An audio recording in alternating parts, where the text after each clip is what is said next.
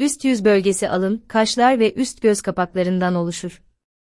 Bu bölgeye yapılabilecek gençleştirme işlemleri alın germe ameliyatları, şakak germe işlemleri, kaş kaldırma ameliyatları, kaş askıları, üst göz kapağı ameliyatları, üst blefaroplasti ve botulinum toksin uygulamalarıdır. İşlemler nasıl yapılır?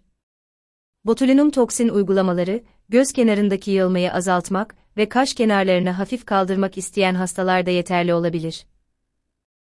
Cerrahi iplerle askılamalar, özellikle kaş askılamada kullanılabilmektedir. Ancak sonuçlar uzun süreli değildir.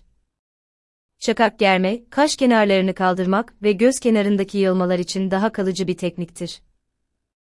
Kesi saçlı deri içerisine gizlenebilir.